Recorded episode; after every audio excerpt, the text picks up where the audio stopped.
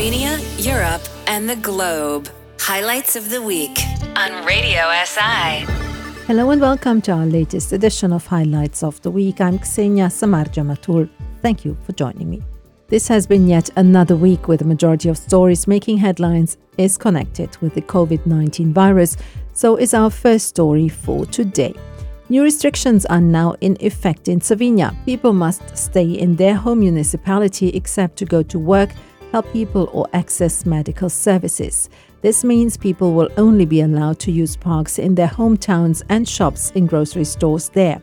Masks must also be worn in indoor places. The Russian parliament has approved an antivirus package of laws The package includes up to seven years in prison for serious violations of quarantine rules.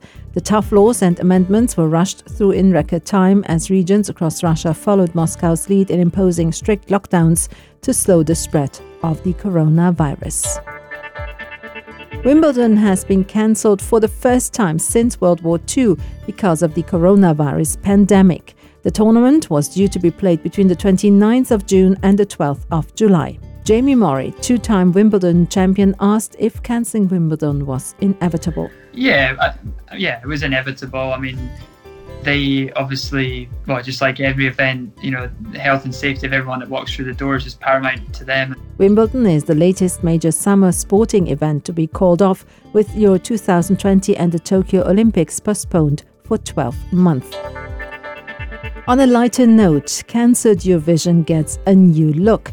Following the cancellation of this year's event, organizers will instead air a television show honoring all 41 songs in a non competitive format. Eurovision Shine a Light will take place on Saturday, the 16th of May, in place of what would have been the live final in the Netherlands. It is the first time in the competition's history that it has been cancelled. Robert Šumi took over this week as the new president of the Commission for the Prevention of Corruption for a six year term. As he took over, he highlighted the importance of strengthening integrity in all walks of life. Zdravljica, a poem written by Slovenia's France Prešeren to celebrate peace, freedom, and fraternity, has been awarded the European Heritage Label. The European Commission conferred the honor on 10 pieces of heritage which speak to European ideals, values, history, and integration. Now let's move to the US. US President Donald Trump said this week his country faces a very painful next two weeks and that the next 30 days will be vital in dealing with the coronavirus. Donald Trump. Challenging times are ahead for the next 30 days. And this is a very vital 30 days. We're sort of putting it all on the line. This 30 days so important because we have to get back. President Trump said the coronavirus death toll in the US could reach up to 100,000. The number of coronavirus deaths in the US has already surpassed China, where the outbreak originated. The European Commission has designed a new program to raise up to 100 billion euros in loans to tackle the unemployment induced by the coronavirus epidemics and weather the impact of the economic crisis.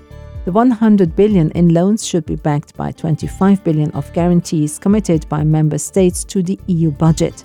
European Commission President Ursula von der Leyen said in Brussels on Thursday The Commission will provide loans to those member states that need them to strengthen their short time work schemes.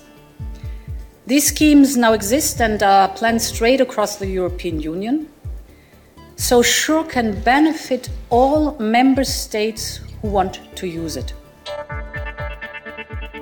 The European Union's top court ruled that the Czech Republic, Hungary, and Poland broke EU law by refusing to comply with the refugee quota program. In an emergency move in 2015, EU nations agreed to relocate up to 160,000 refugees from Italy and Greece as those two countries buckled under migrant arrivals.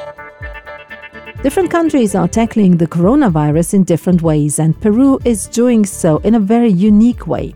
The country has begun enforcing strict new measures to stop the spread of the coronavirus disease, restricting public movement by gender. Men can only leave home on Mondays, Wednesdays, and Fridays. Women can do so on Tuesdays, Thursdays, and Saturdays. On Sundays, no one is allowed out. Panama introduced similar restrictions earlier this week. Stay tuned, coming up in a few minutes is this week's top story that will focus on the stimulus package that was adopted by the National Assembly to lessen the impact of the coronavirus on Slovenia's economy. But we conclude our first part of Highlights of the Week with sad news. American soul singer Bill Withers, the man behind 1970s classics Lean on Me and Ain't No Sunshine, has died at the age of 81. His family confirmed his death in a statement saying he had passed away from heart complications.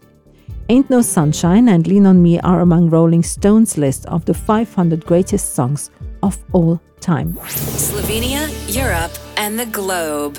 Highlights of the week on Radio SI. The National Assembly adopted on Thursday a 3 billion euro stimulus package aiming to soften the impact of coronavirus on Slovenia's economy and people. The law brings financial assistance for companies and workers affected by the epidemic, as well as for the self employed, pensioners, students, large families, and welfare recipients. The law also features an expansion of police powers, although without initial provisions that also included the option for police to track people in quarantine without a court warrant, create photo robots, and enter flats.